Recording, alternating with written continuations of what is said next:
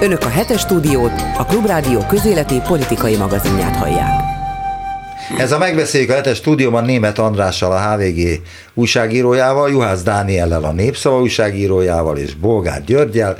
Köszöntelek a hetes stúdióban és kezdjük akkor a leghúzósabb, vagy legalábbis szerintem a legterjedelmesebb dologgal, mégpedig ezzel a kémbank históriával. Az amerikai szankciók szerdai bejelentése után a magyar kormány úgy döntött, kilép a kémbankként is emlegetett pénzintézetből, de már ki is lépett, lehet olvasni ezt a mindenhol szinte. Mi a véleményetek, miért kellett ilyen gyorsan lépnie Orbánnak, amikor David Pressman nevével még pár nappal ezelőtt viccelődött?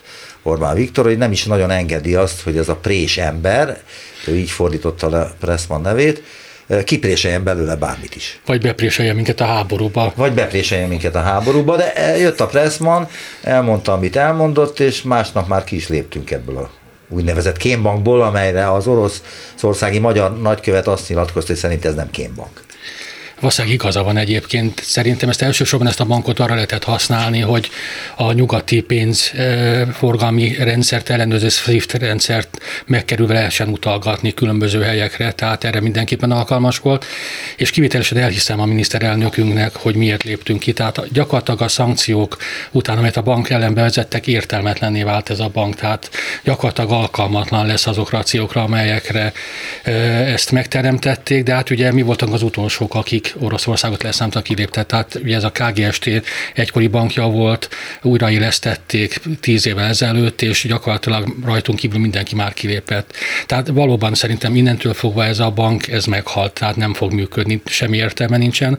És talán még egy mondat, hogy ugye azt is mindenki tudja, hogy ezek a szankciók, amit a Pressman bejelentett a sajtókonferencián, ezek nagyon lájtosak. Tehát mindenképpen ez csak egy figyelmeztetés akart szerintem lenni, és valószínűleg ezt a magyar kormány is tudja. Tehát azért próbált Orbán Viktor gyorsan lépni, hogy, hogy mutassa, hogy, a, hogy, hogy elkerülje, és de újabb szankciók legyenek.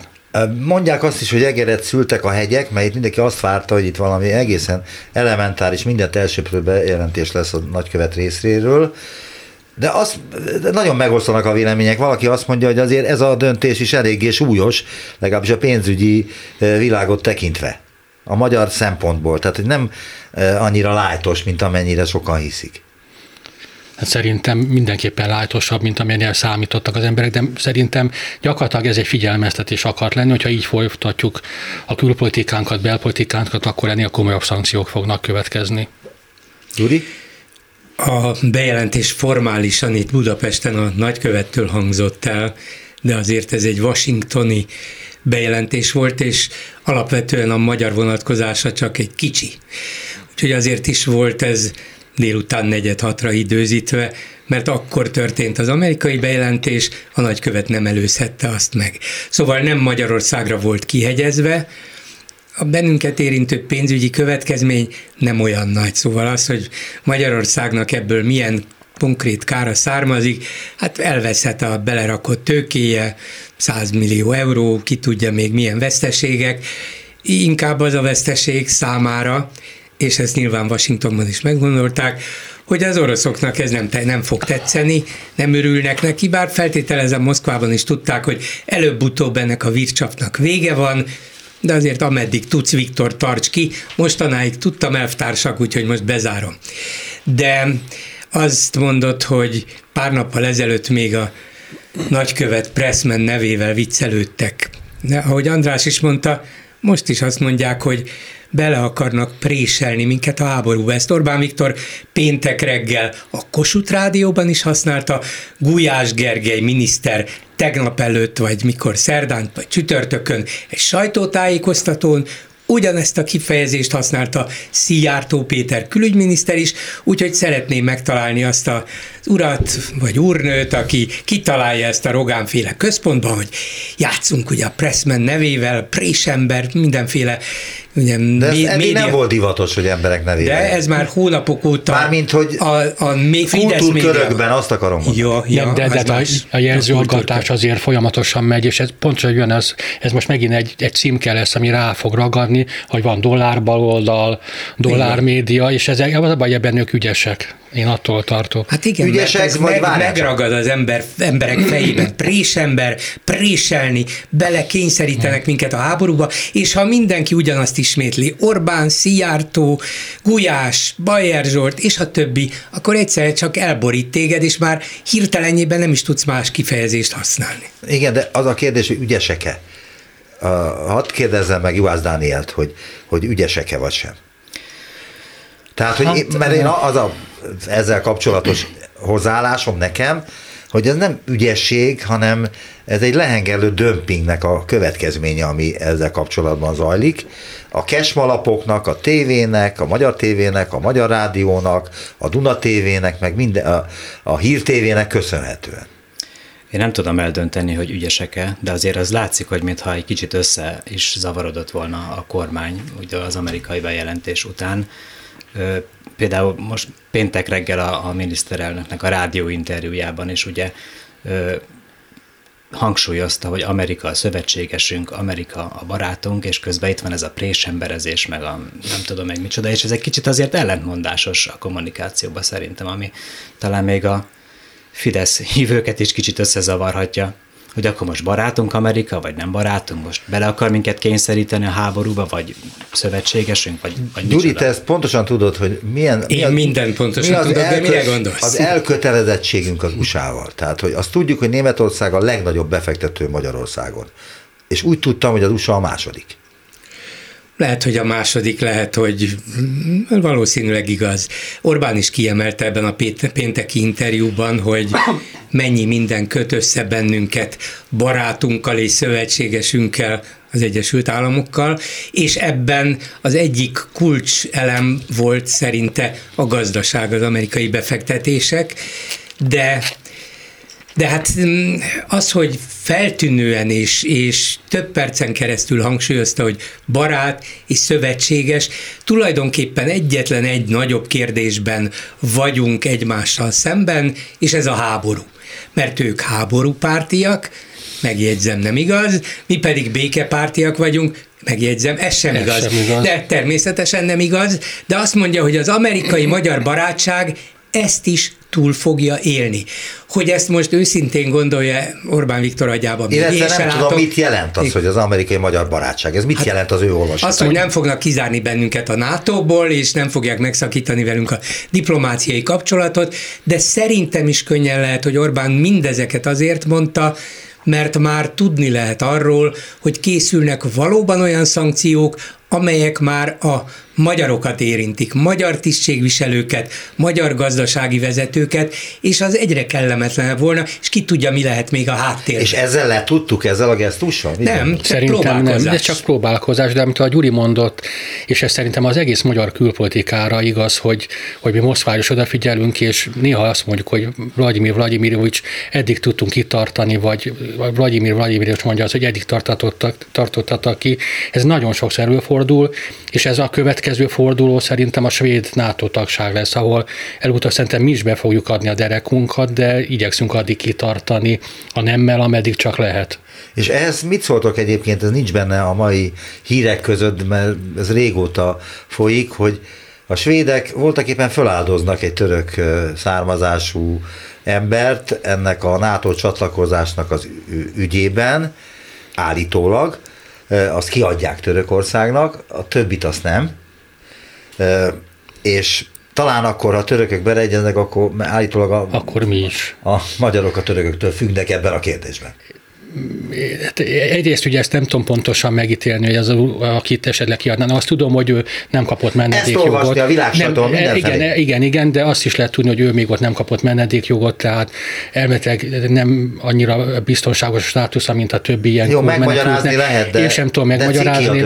Mindenképpen ciki a történet, viszont ugye, ugye sokan mondják azt, hogy Törökországtól függ Magyarország, szerintem mi ebben is inkább Oroszországtól függünk, és tényleg gyakorlatilag ki kell tartani tartanunk az utolsó pillanatig, amíg lehet.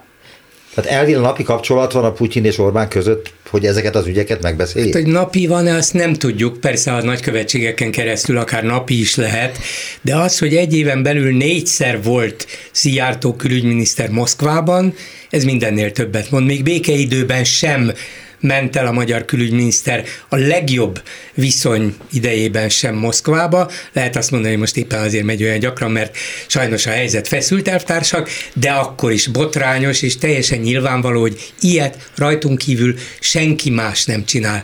Két dolgot, az egyik a NATO és Svédország, és a másik napi kapcsolat.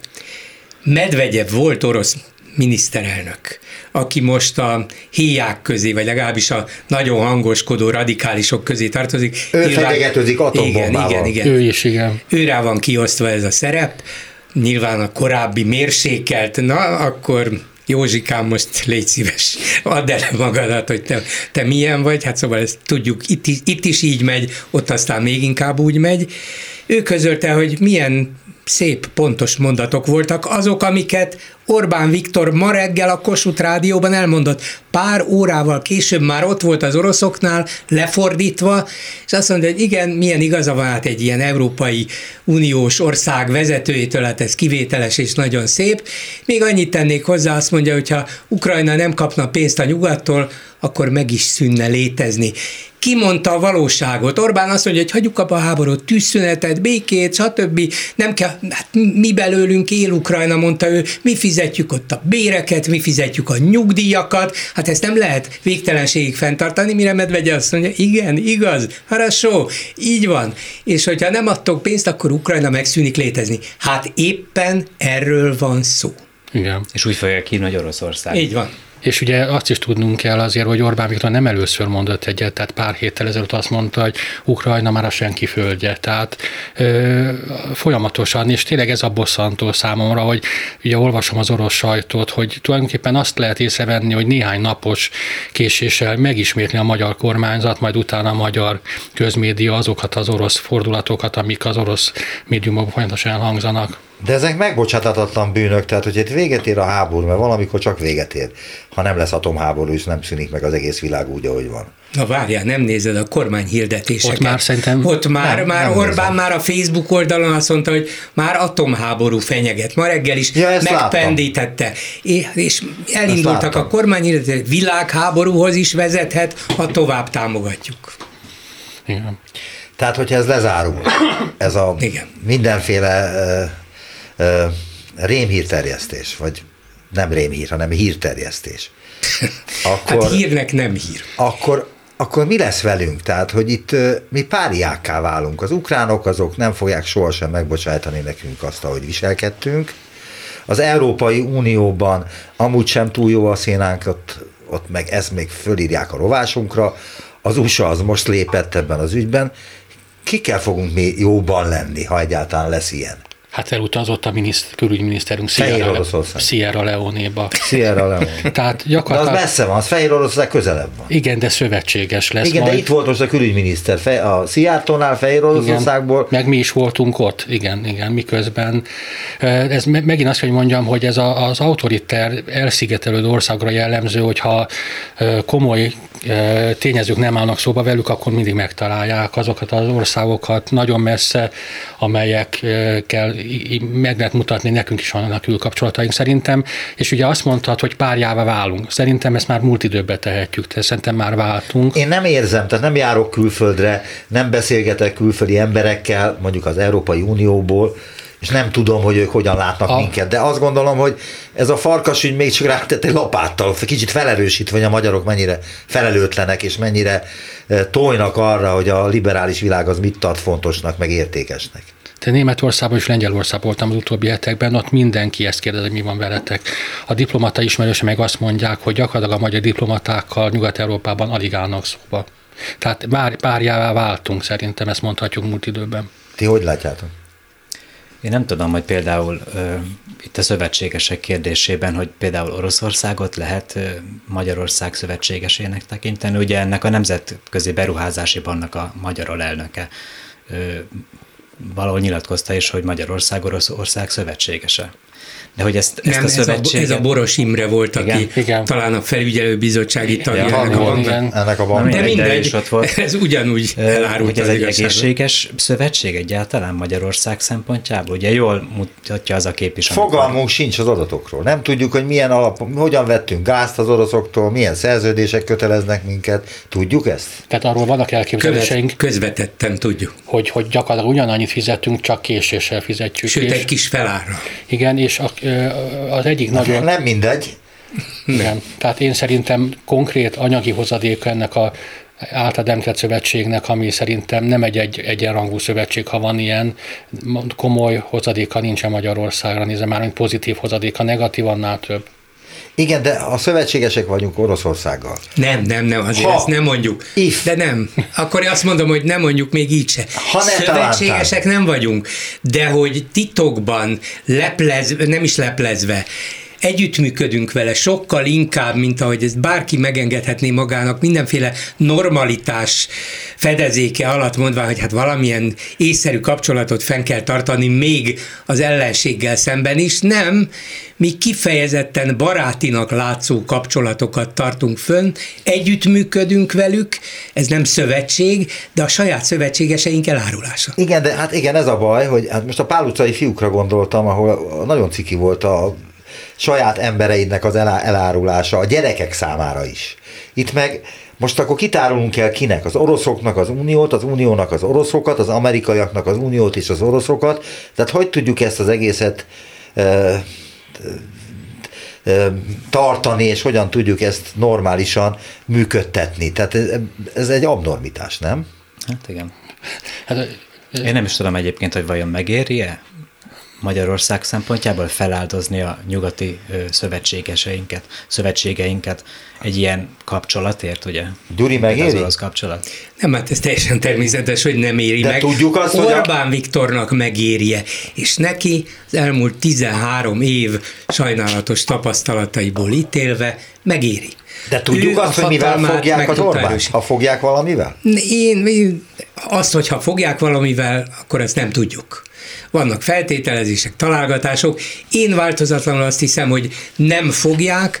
Orbán azt találta ki, lehet, hogy bizonyos orosz nyomásra, orosz ígéretekre nem tudjuk, még az is lehet, hogy valamilyen kellemetlen információt megpróbáltak tudomására hozni, hogy figyelj, ha nem leszel velünk kicsit barátságosabb, akkor még esetleg ilyen és ilyen következménye is lehetnek, de nem hiszem, akármit találnának ki, vagy akár milyen bizonyítékuk van, akármire Orbán Viktorral szemben, ma már az se számítana az égvilágon semmit. Ha az oroszok ezt nyilvánosságra hozzák, ők Vármint Orbán Viktor arra játszott szerintem tudatosan, és a mai napig is, hogyha ő megerősíti a magyar-orosz kapcsolatokat, az Unióval és a NATO-val szemben is, akkor ezzel ő erősödik mert úgy tudja ezt a kettős játékot játszani, hogy figyeljetek, nekem más a véleményem, zsarollak benneteket azzal, hogy én jóban vagyok Putyinnal, én jóban vagyok Kínával, a kínai elnökkel, ők tudnak nekem adott esetben segíteni is, támogatni, és azért tudjátok, ez két nagy hatalom,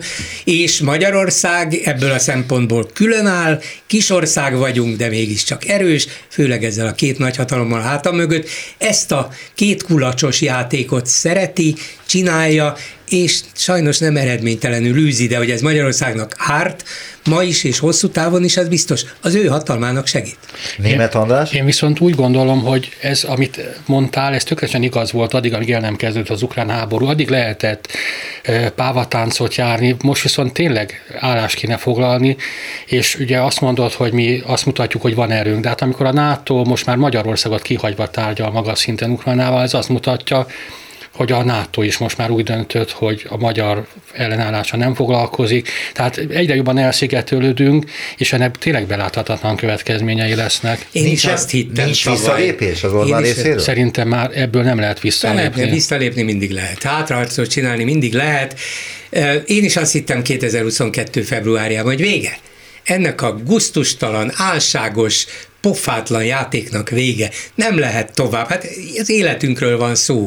Csak a nato belül, meg az Unióval együtt maradhatunk életben és normálisan, és nem Orbán megtalálta megint azokat a kiskapukat, amelyeken kibejár Moszkvába, kibejár Isztambulba, kibejár Pekingbe, és így tovább mindenhova, és még mindig fent tudja, fent tudja ezt tartani, egyre nagyobb pofonokat kap, igen, bizonyára egyre nagyobb engedményeket is kell tennie, de még mindig nem akkorákat, amiktől visszafordítaná ezt, mert az, hogy elszigetelődünk, ez tényszerűen igaz. Csak a magyar választópolgár nem érzékeli. Azt érzékeli, hogy egy kemény legény van a gáton, és azt Orbán Viktornak hívják. Bizonyos körökben azt mondják erre a, az attitűdre, hogy ügyes. És itt Magyarország. Az a baj, hogy De, Magyarország ez- azért van kétharmad. Mert sokan mondom. azt mondják, hogy lám, lám, nem eszi meg azt, amit a nyugatiak a szájába akarnak tömni, meg azt se, amit az amerikaiak ak- akarnak a száján, vagy a torkán lenyomni. Ő helyettünk is kiáll az igazunkért. Tudjuk, milyenek ezek az amerikai. Igen, tudjuk hát. Ha bekapcsoljuk a hírtévét, akkor egészen extrém dolgokat hallhatunk ott a megmondó emberekről, vagy a beszélő fejektől. Egészen elképesztő. Nem is értem. Tehát amikor a pápát támadták a Bajer Zsoltilag, és olyan dolgokat mondtak a pápára, ami nem is lehet megismételni, mert az ember jól lehet nem hívő, vagy nem nincs oda ezekért a dolgokért, de szégyellem kimondani azt, amit Persze. a Bajer Zsolt mond. Mai napig, amiket De mondanak. látod, vissza lehet Hát, fordulni, és a legjobb pofát vágni az egész. Azt ide jön a pápa. Most mondja a Bajer Zsolt, amit mondott ezelőtt egy vagy két éve. Most mondja. De Bidenről gyakorlatilag ugyanilyen... Igen, a Biden a vénszenél is barom. A másik pedig, ami engem rettenten zavar, hogy rengeteg számot hoznak, és én szeretek a számok mögé nézni, és ezek nettó nem igaz ezek a számok. Legutóbb például Kövér László mondta azt, hogy Irakban, amikor az, a két amerikai invázió között félmillió gyerek halt meg az Irak elleni szankciók miatt. Utána néztem, ez egy, egy olyan jelentés volt, amit utána 25-ször vontak vissza. Kiderült, hogy megbuherálták a számokat, de ennek ellenére a magyar parlament elnöke, nem tudom, hanyadik közjogi méltóság, ezt belemondja a kamerában, mint igazán, valószínűleg ő is tudja, hogy nem igaz. Ilyenből naponta történik száz, és utána a magánbeszélgetésekben ezeket én rendre visszahallom sajnos. A, Ezt lehet agresszió relativizálásnak nevezni, az ukrajnai agressziót relativizálják. Pontosan. Pont, hát az amerikaiak is gyerekeket öltek meg, méghozzá mennyit? Nem volt igaz. Hogy az egy hibás lépés volt a második iraki beavatkozás, igaz. Hogy voltak ártatlan áldozatai, igaz. De az Egyesült Államok ott is valamiféle normális egyensúlyt próbált megtartani egy fontos és kényes világpolitikai vagy kérde, helyzetben és, és térségben, nem, nem, nem jól csinálta, és nem volt az végeredménye jó. De nem ugyanaz történt, mint most Európában. És egy apró különbségre hadd hívjam meg a figyelmet, tehát valahogy mindig úgy történik, hogy Oroszország ott elégedetlen a szomszédos államokkal, amit éppen el akar foglalni. Tehát Grúziának egy részét is gyakorlatilag magához csatolta, Ukrajnának egy részét is magához akarja csatolni. Amikor mondjuk az USA Moldova. be, Moldova, igen, a nyerszementi köztársaság, tehát amikor az USA beavatkozott mondjuk Koszovó vagy Boszniában, azért nem az volt a cél, hogy Koszovó legyen az 52. vagy 51. tagállam. Tehát ez megint egy súlyos különbség, hogy Oroszország folyamatosan területszerző háborúkat vív az utóbbi években. A miniszterelnökséget vezető miniszter, vagy Gulyás Gergely szerint az Egyesült Államok budapesti nagykövetsége támogatásával szétszórt ruszkik haza feliratú plakátok, amiket lehet látni az egész országban, annak a bizonyítékai, hogy az amerikaiak háborúpártiak, és hogy Magyarországot is belepréselnék a, ebbe az álláspontba, a háborúpárti álláspontba. E, Mint ahogy az ellenzék is háborúpárti, e, és itt azért mondtam azt, hogy most hogy ezt jó kitalálták, de hát akkor a média áll a rendelkezésükre, hogyha ezt súlykolják, és ezt teszik már hetek óta, vagy hónapok óta, akkor még a legfelvilágosult, legfelvilágosultabb magyar ember is ö, elbizonytalanodik, és elhiszi. Azért itt is van egy kis ellentmondás. Igen. Mert én például laikus hírfogyasztóként nem nagyon érteném azt, hogyha valaki azt mondja, hogy ru- ruszik haza, jelen esetben ugye Ukrajnából vonuljanak ki az oroszok, az miért háborúpártiság? Ezt még valamiért senki nem magyarázta meg. Mert maguktól nem mennének ki. csak, csak háborúval. Igen. Igen. Igen, e, jó, logikailag nem nagyon ö, figyelnek arra, hogy stimmeljenek ezek a dolgok. Nem is érdekes, azt hiszem. Az az érdekes, hogy háborúpárti. De hát ő nem bántott senkit. Akkor is háborúpárti. mert rákoppantok a fejedre, hogyha nem tetszik neked ez a jelző. És ez folyik a hírtévében, amit egyébként eléggé gyakran szoktam nézni, a saját megbotránkoztatásom miatt, meg hát a köztévét, az, e, jó, Mit lehet ezzel kezdeni, amikor ezt állítják az amerikaiakról, meg ezt állítják a ellenzékről, meg ezt állítják Brüsszelről? Hogyan lehet kivédeni, hogyan lehet uh, csökkenteni azt a fajta hipnotikus uh, dolgot, hogy uh, Magyarországon csak a Fidesz-KDNP nem háborúpárti? Hát itt jön elő az, hogy te gyakorlatilag az ilyen rádióknak, és most a Tudom, hát azért, ez most az én munkám többek között, hogy dolgozok tehát a rádióban. Ez, tehát akár a népszavában, meg te dolgozol a HVG-ben, meg a népszavában, meg a te és is hogy, a hogy, hogy népszavában, meg a, magyar, hogy meg a klubrádió. Minél több emberrel beszélni, és, és megpróbálni, nem meggyőzni, csak hogy, hogy ne csak a, a királyi tévét nézzék. Vannak olyan ismerőseim vidéken, akik azt mondták, hogy, hogy ők fogalmuk nincs arról, hogy például a klubrádióban mi hangzik el, vagy az RTL klubban, vagy a HVG-ben, mert csak a, az M1-et nézik. Tehát, hogy, hogy, hogy legalább arra rávenni őket, hogy más hírforrásokból is tájékozódjanak. Az a baj, nagyon sokan hiteles hírforrásnak tekintik például az M1-et, meg a Duna TV-t, meg ezeket, és ezért nem is gondolják, hogy esetleg mást is el kéne olvasni, hogy meg kéne nézni. Nem is hiszik el, hogy egy ilyen televízióban, amit lát 20 éve, 30 éve, ki hát, tudja mióta, és akkor az M megy. És ebben hazugságokat mondanak neki. Hát igen. hát igen, mert az emberi alaptermészet szerintem olyan, hogy nem feltételezi azt, hogy direkt hazudnak napi 24-ben. Tehát az apósom, aki ugye a 20-as években született, ő megszokta azt, hogy fél nyolckor odaül a tévéhíradó elé, és megnézi és gyakorlatilag élete utolsó napjáig ezt tett, hogy fél nyolckor megnézte az M1-et, és hétvégén mindig megtudtam, hogy mit mondott az M1.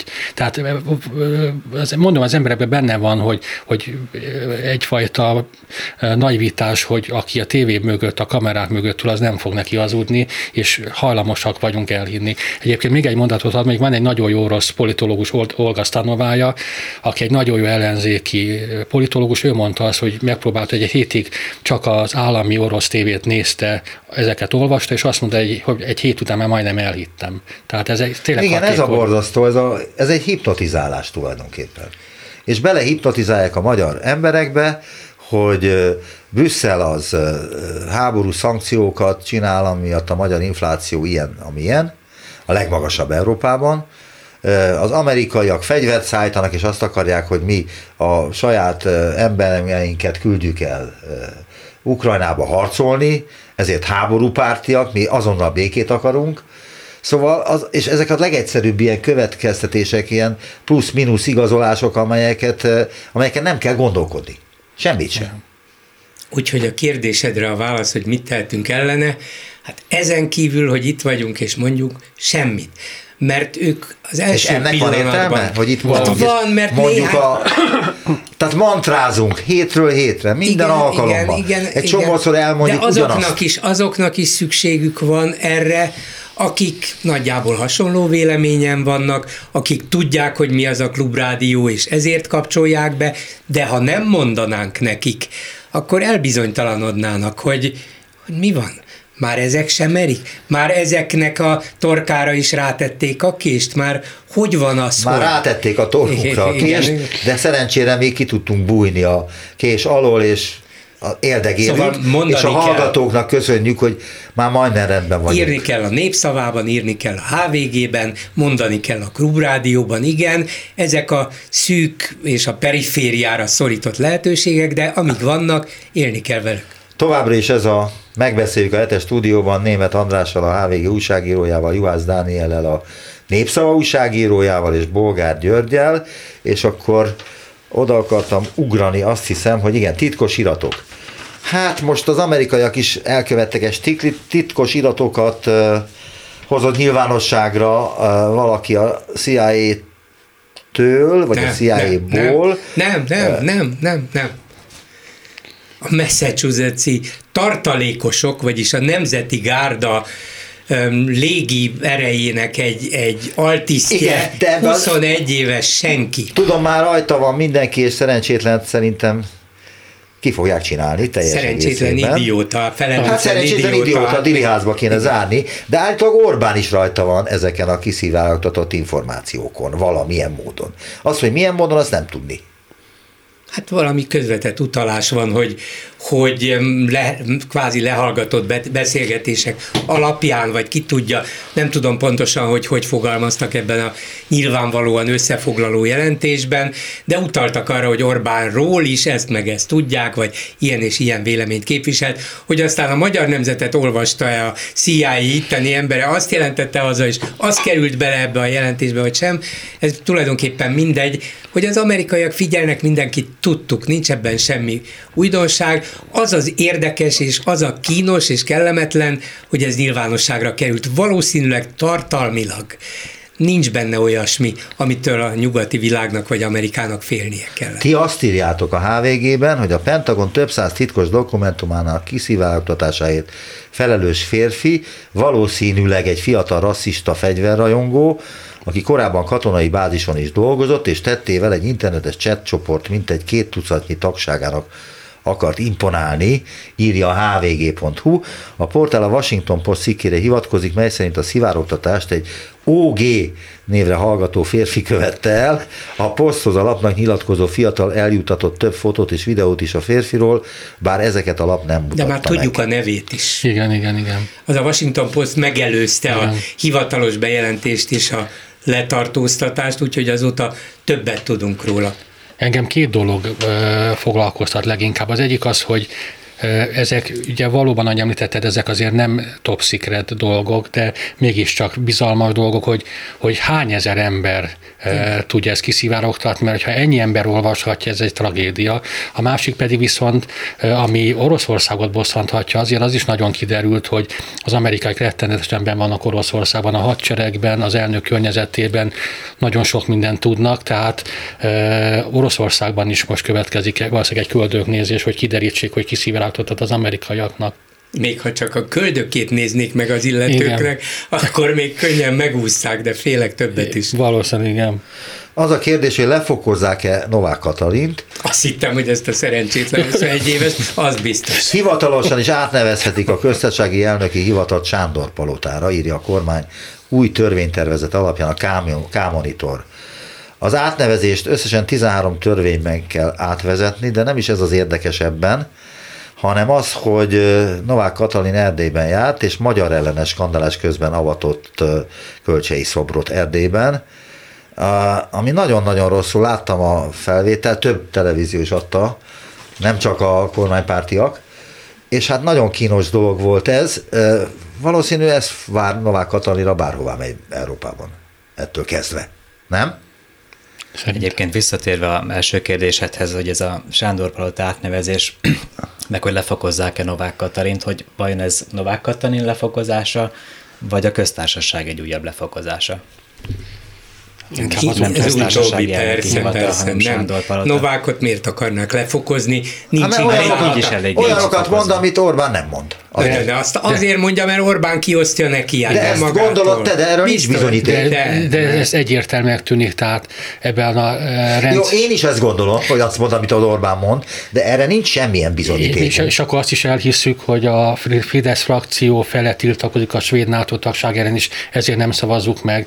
Nem, tehát ugye az elmúlt 13 évben... Elbizonytalanodtak a frakcióban, azt mondták. Igen, tehát ez, ez, ezek viccek. Tehát a 13 év, amióta hatalmon van, a frakció egyszer sem lázadt föl, most sem, tehát Ja, ezt, nyilván ezt kitárgyaltuk már, hiszem, talán nem tudom hány hete, Igen. amikor én voltam a hetesben, akkor volt ez friss hír, és hát ez egy abnormitás, hogy a Fidesz frakció elbizonytalanodott, még akkor a finn-svéd NATO csatlakozásról is szó volt, ö, és hogy ez akkor találták, hogy küldenek delegációt Finnországba és Svédországba. igen. És a finnek azok rendkívül udvariasan megköszönték ezt a delegációt, és köszönték a magyaroknak, hogy ennyire odafigyelnek erre a dologra, de hát tudja mindenki, hogy ez, ez, egy, ez egy szemfényvesztés, ez egy cirkusz, eh, amit Orbán Viktor talált ki azért, hogy húzza az időt, mert valószínűleg Putyinnal akkor még nem egyeztetett erről a dologról. Nem, nem is hiszem, hogy Putyin itt a lényeg, hanem inkább zsarolásra használta föl, vagy használja föl ezt is. Abban reménykedett, hogy hát ha a finnek és a svédek megszorongatásával az uniós alkudozásokban lesz két, hát ilyen kénytelen, kelletlen szövetséges, akik majd azt mondják, hát engedjünk egy kicsikét a, a nyakukra szorított kötélen, adjunk egy kis pénzt nekik, hát látjátok, itt ott vetetlenkednek. De nem, ugye a finnek megkapták a jóváhagyást, és azonnal bejelentkeztek ellenünk egy perre az Európai Bizottság mellett, az Európai Bíróságnál, genderügyekben. Úgyhogy Kövér László ki is rohant, hogy micsoda hálátlanság ez, mi megszavazunk hálátlanság. Örüljünk neki, hogy itt van Finnország erős hadsereggel, és segít bennünket Magyarország Magyarországot is megvédeni a NATO keretein belül. Hálátlanok vagyunk? Mi, ők, az a kérdés, hogy kiktől kell megvédeni Magyarországot. Tehát, hogyha az oroszok a szövetségesünk, az ukránokkal jóba vagyunk, az Európai Uniónak a tagjai vagyunk, vagy tagja vagyunk. Ki, ki fog megtámadni minket? Én a pirézekre gondolok. A pirézek, igen. Az könnyen lehet. Mi a helyzet az inflációval? A KSH friss adatai szerint jelenleg még mindig 25% felett van az infláció. Márciusban 25,2%-kal nőttek az árak a tavalyi márciushoz képest. Nagy Márton gazdaságfejlesztési miniszter azonban optimistán tekinti a friss adatokat. A politikus a kormányközeli világgazdaságnak adott interjújában úgy fogalmazott, a 25,2%-os infláció és a 42,6%-os élelmiszer drágulás teljes összhangban van a kormányzat várakozásaival. Ilyet már hallottam még a 70-es években is, azt hiszem, vagy a, akkor voltak ilyen dumák. Azt is mondta, hogy jó úton haladunk, hiszen ahogy azt a kormányzat várta és előzetesen jelezte, az év elején, azaz januárban már tetőzött az infláció, ezt követően pedig elindult egy mérséklődés. Mit szóltok ehhez? Hát, hogyha Jól tényleg összhangban van a, a, a kormányzatnak a, a várakozásaival, és tényleg ilyen inflációra, meg ilyen élelmiszer emelkedésre számítottak, akkor igazán szóltak volna előre, hogy készüljünk. Ebben igazad van. Lehet, hogy szóltak, csak nem neked. Ja. Meg jobban fölemelhették volna a nyugdíjakat, ugye? Mert hát gondolhatták volna, hogy na hát, nem csak, hogy még még márciusban is 25,2%-os az infláció, de a nyugdíjasoké meg 26,7. Hát ez a 15 százalék nem lesz nekik elég, úgyhogy hát a nem. kormány várakozásai szerint nem 15-öt kell nekik januártól emelni, hanem 17-18-at. De érdekes módon nem tudta, vagy nem ezek voltak 15 a várakozások. Volt, 15 százalék volt Igen, az emelés. Tudjuk, persze. És a nyugdíjasok még örülhetnek is, hogy egyáltalán emeltek. Örülnek is sokan. És örülnek is sokan, ebben igazad van látni egyébként nyilatkozni yes. nyugdíjasokat az Orbán Viktor mellett, mert örülnek annak, hogy kapnak több pénzt. És őket nem érdekli a világpolitika. És az se érdekli, hogy háború van tőlünk pár száz kilométerre, az érdekli őket, hogy de ez viszont érdekelheti, hogy az élelmiszer árdágulás az nem csak 50% van, ahol 100 sőt van, ahol 150 De ha Orbán nem lenne, 200 lenne.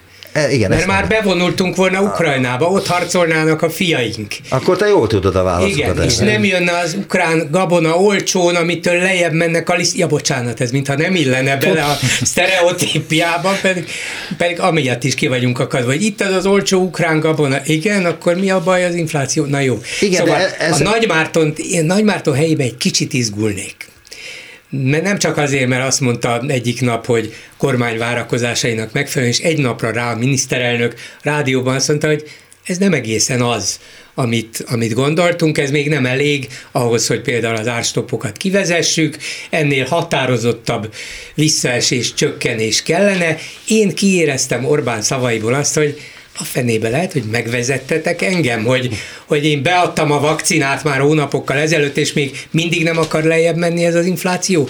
Van egy másik érdekes dolog, nem mintha ez feltétlenül annyira fontos lenne, csak majd ha lesz belőle valami.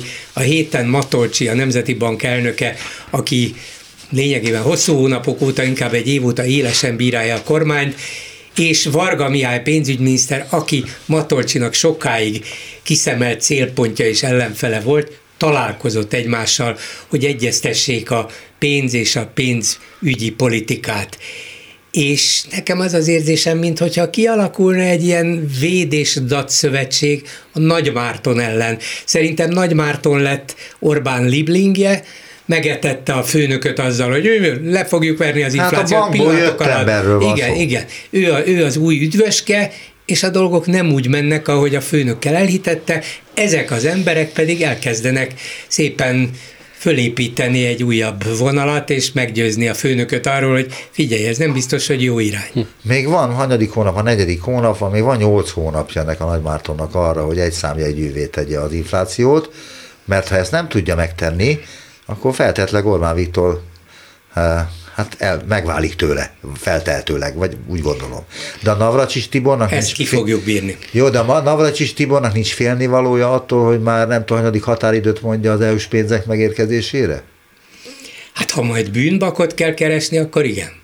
A Navracsis most azt mondja, hogy nyáron érkezik. Igen, de hát legutóbb március 31-e volt. Az volt a legutóbbi. Hát meg azt hiszem volt december. Igen, igen. Ősz, volt december, tudom, ősz is volt. Már nem tudom, hanyadik határidőre járunk, de ugye azt is tudjuk Navracsis Tibortól, hogy az Európai Unió megértő a határidőkkel kapcsolatban, szóval lehet, hogy még lesz egy kis dologatás. De Navracsics természetesen megint nem a saját politikáját és a saját terveit adja elő Brüsszelben, hanem azt, amire Orbán Viktor utasítást ad eddig mehetsz el Tibor, eddig ebben engedhetsz, ebben szórakoztasd őket, ebben húzd az időt, és így tovább, ezzel megy ki, és aztán nyomja lehetőleg optimista szöveget, meg azt a szöveget, hogy mi már mindent megtettünk, most már aztán tényleg minden Brüsszelen múlik, de tudja ő is, meg Orbán is, hogy az a, az a lényeg, hogy Orbán Viktor mikor, mire ad engedélyt, mire hajlandó visszavonulásra, miben enged, úgyhogy ha kell, és hogyha meg kell nevezni egy bűnbakot, mert nem sikerült, akkor Navracsics lesz ebben az első, persze. És egyébként most is úgy tűnik, hogy megint egy ilyen csúszásra készülnek a határidőkkel kapcsolatban, ami a pedagógus béreknél derült ki. Ide akartam kilugadni most, ugye, pontosan. Várjál, felvezetem azt is, folytatod. 4300 fölött van már azoknak a száma, akik jelezték a PDS petíciójában, hogy nem hajlandók a státusztörvény hatája alatt tovább dolgozni, mondta Nagy Erzsébet a szakszervezet választmányi tagja. A PDS kitart amellett, hogy akár pedagógusok ezrei hagyhatják el a pályát, ha a kormány megfosztja őket a közalkalmazotti jogviszonyuktól. Köz, nem csak erről van szó a státusztörvényben, de a közalkalmazotti jogviszony az első helyen szerepel. Közöttük nem csak nyugdíj előtt állók vannak, ők azok, akik mérlegelik, hogy amikor közlik velük a státusztörvény hatályba lépését, akkor nyilatkoznak arról, hogy köszönik, nem kérnek belőle, és kapnak némi végkielégítést, amiről most sem tudni, hogy mennyi lehet stb. stb. stb. Na most ez a szám, ez a 4300, ez nem olyan jelentős a teljes pedagógus létszámot tekintve, ami a 150-160 ezer lehet, de húzhat még magával akármennyi embert is, hogyha ezt nagyon akarja a kormányt, ezt a státusztörvényt, amit még most sem tudtak bevezetni, állítólag júniusban akarják, de az sem fog valószínűleg létrejönni, lehet, hogy csak szeptember vagy októberben marad. Viszont ugye azt mondtad, hogy nem olyan jelentős de azért azt is figyelembe kell venni, hogy ez nem csak egy a petíció. nem olyan jelentős. Ez nem csak egy petíció, amit 4300-an, 400-an aláírtak, és hogy ez a 140 ezres pedagógus létszámhoz képest milyen kevés, hanem ezek azok, ugye, akik fontolgatják, hogy elhagyják a pályát, ha bevezetik ezt a státusztörvényt. És ebből a szempontból viszont szerintem jelentős, ugye a pedagógusok szakszervezetének a becslései szerint olyan 16 ezer pedagógus már most hiányzik a rendszerből, hogyha még felmond 4000, akkor annak szerintem már igen jelentős hatása lesz. Mondjuk a státusztörvében erre is készülnek, ugye azzal, hogy megemelik a heti meg a havi munkaidőt a pedagógusoknál, szóval meg a helyettes, elrendeltő helyettesítésének a számát, ez is benne van, úgyhogy valószínűleg készülnek arra, hogy kevesebb lesz a pedagógus, de akik maradnak, azok majd többet fognak dolgozni. De mi az oka annak, már ezt többször kérdeztem ebben a műsorban is, meg a hallgatóktól is, hogy ennyire szabad Orbán Viktornak packázni a pedagógusokkal. Ez egy jelentős társadalmi réteget jelent, sokat, sok embernek van hozzájuk kapcsolata, milliós nagyságrendről van szó. Hogy mégis mennyire ragaszkodik Orbán Viktor ahhoz, hogy a pedagógusoknak kus. Ennek szerintem nagyon sok oka van. Az egyik oka az, hogy a társadalom egyrészt megosztott, másrészt még inkább atomizált is. Tehát ugye rengeteg érdekcsoport, vagy rengeteg csoport van a társadalomban, amelyekkel kibabrált már Orbán Viktor, de ezek a csoportok nem tudnak egymásra találni. Tehát voltak a katások, voltak egy időben az ápolók, volt, vannak az orvosok, vannak a pedagógusok, ezek az elégedetlen tömegek valahogy Magyarországon sohasem tudnak találkozni. Ez talán az egyik ok, a másik ok, hogy a kormányzat rettentően, felhasznál, rettentően jól vagy hatékonyan felhasználja a, a megosztást a pedagógusok között is. Tehát mindenütt azt halljuk, hogy a baloldal telepszik rá a pedagógusokra, és ugye nagyon sokan valljuk azt, hogy ez egyfajta istenhit, amit Orbán Viktor irányában érez a magyarok nagy része, és, és valószínűleg ez lehet az oka az, hogy, hogy ezek a, az egyéni sérelmek nem tudnak összeadódni egy általános társadalmi elégedetlenségé, pedig szerintem a, a, a, a, a népesség többsége már inkább szenvedettől a kormányzattól, mint sem nyer. De ahhoz, hogy ne tudjan összeállni, ahhoz valami fajta háttérmunka is szükséges a másik oldal részéről. Már, már mint az ellenzék, nem, de a kormány. Nem az ellenzék, nem, a kormány részéről. Pontosan ez a megosztás, tehát, ami, hogy, tehát gyakorlatilag... De hogy nagyon precízen kell nekik a munkát végezni, mert azt valamit eltolnak, akkor itt össze torlódnak a társadalmi csoportok, és hirtelen abból kialakulhat egy óriási hát, ellen. Hát biztos emlékeztek az, az, internet, az internet tüntetésre, ahol tényleg úgy az nézett, egy pillanat alatt zajlott. Igen, és egy pillanat alatt visszakoztak. A, a, a bolzárnál is, amikor valami úgy nézett, hogy valami összeáll, akkor eltörölték a bolzára. Nem lett olimpiai népszavazás Tehát bármikor látják azt, hogy valami kialakul, egyből visszakoznak, most nem látják, hogy, hogy, hogy visszakoznak. Mert valószínűleg nincs is semmi. És én ezért mondtam az elején sajnos, hogy, hogy, hogy ők ügyesek valamilyen szinten, cinikus okosak, szerintem gonoszak is, de, de nem csinálják ügyetlenül sajnos. Nem, nagyon ügyesek csinálják. Ott és... kezdődik, hogy van legalább öt és fél ezer iskola az országban. Öt és fél ezer telephelyen dolgozik az a mondjuk 140 ezer pedagógus. Eleve nehéz az ő összehangolásuk, megszervezésük.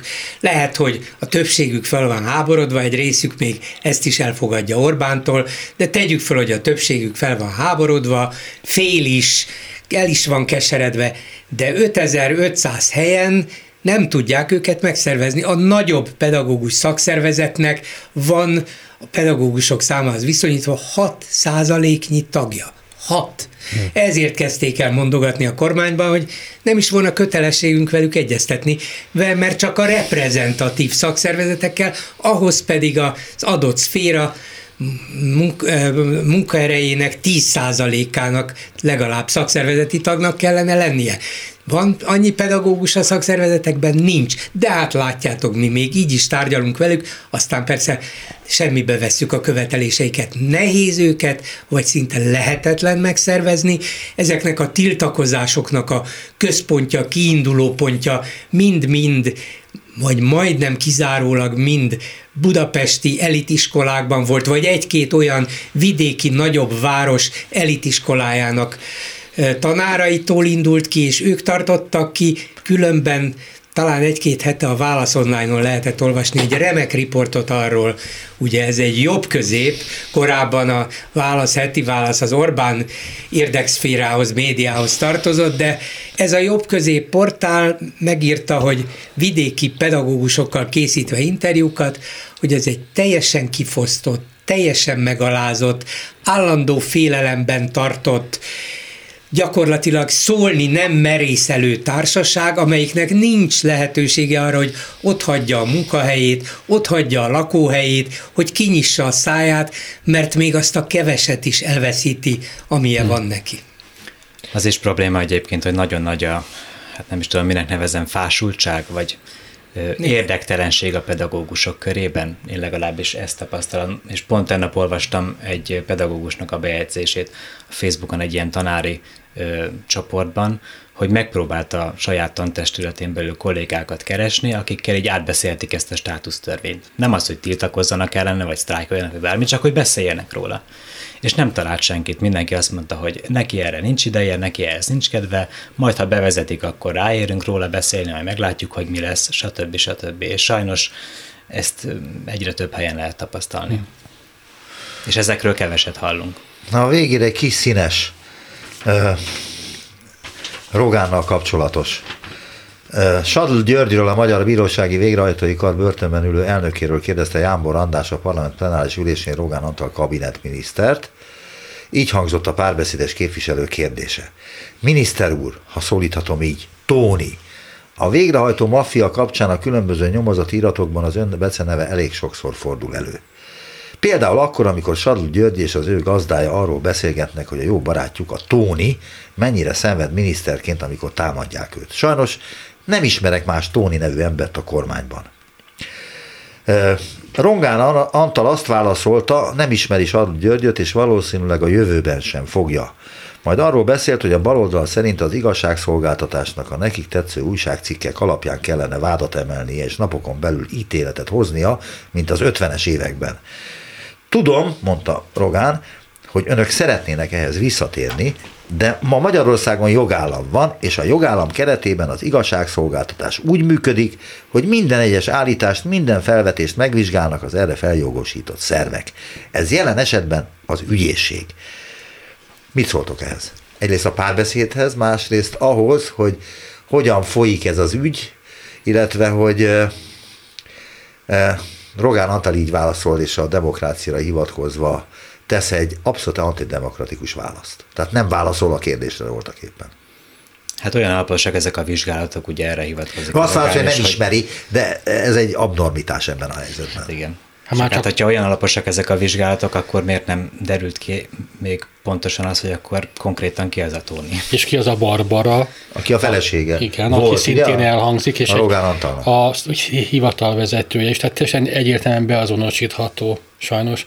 Ez egy... Hát ennyi erővel azt is mondhatta volna Rogán Antal, hogy ő nem ismer semmiféle Tónit. Igen, hogy ki az a Tóni. Igen. Hát azt mondta, illetve nem azt mondta, ő azt mondta, hogy, hogy, Györgyöt nem ismeri, hogy a Sadló Györgyöt hát igen, csak azt is mondta, nem ismeri, és a jövőben sem fogja. Nem az a baj, hogy egy nagyon jó látlelet a magyar társadalom jelenlegi helyzetéről. Tehát az, hogy a Polt Péter féle ügyészség mennyire független, a nyomozati szervek mennyire függetlenül dolgoznak. Tehát ez, ez, ez, egy nagyon, ez nem is színes hír, én azt hiszem, ez egy nagyon szomorú jó, hír. És idézőjelben mondtam, ez egy színes. Ez nagyon fekete. Ez nagy, igen, az és is szín, ilyen rövid pontosan. kis érdekességeket szoktak így nevezni, amelyek lehet, hogy a tartalmunknál fogva rendkívül jelentősek, csak a terjedelmük miatt kicsik. És ha még előkérdeztem, hogy mit tehetnek az újságírók, és ugye eszembe jut, hogy amikor Oroszországban voltam tudósító, akkor ugye ott azért halnak is az újságírók, és azt kérdeztem, akkor még működött ott a Novaja Gazeta Moszkvában az egyik, hogy, hogy, hogy nem féltek, és azt mondta, hogy mi csak akkor félünk, amikor Csecsenföldről írunk, mert hogyha orosz belpolitikáról írunk, akkor annak már semmi következménye nincsen. Eljuthat a bírósághoz, eljuthat bárhova, ítélet nem fog születni, tehát gyakorlatilag nem foglalkoznak velünk. Magyarország is ebbe az irányba megy, hogy bármit kitúrhat egy újságíró, a végén nem lesz belőle semmi. Nagyon szépen köszönöm, hogy eljöttetek. Ez volt a Megbeszéljük a hetes stúdióban Német Andrással, a HVG újságírójával, Juhász Dániellel, a Népszava újságírójával és Bolgár Györgyel. A mai adás elkészítésében közreműködtek Lantos Dániel, Gál Bence, Túri Lui. A műsor második felét a Klubrádió YouTube csatornáján is megnézhetik szombaton este 6-tól. Túlélő kampányunk keretében várjuk továbbra is megtisztelő támogatásukat. Csernyánszki Judit szerkesztő nevében megköszönöm figyelmüket, Najman Gábort hallották. A hetes stúdiót a Klubrádió közéleti politikai magazinját hallották.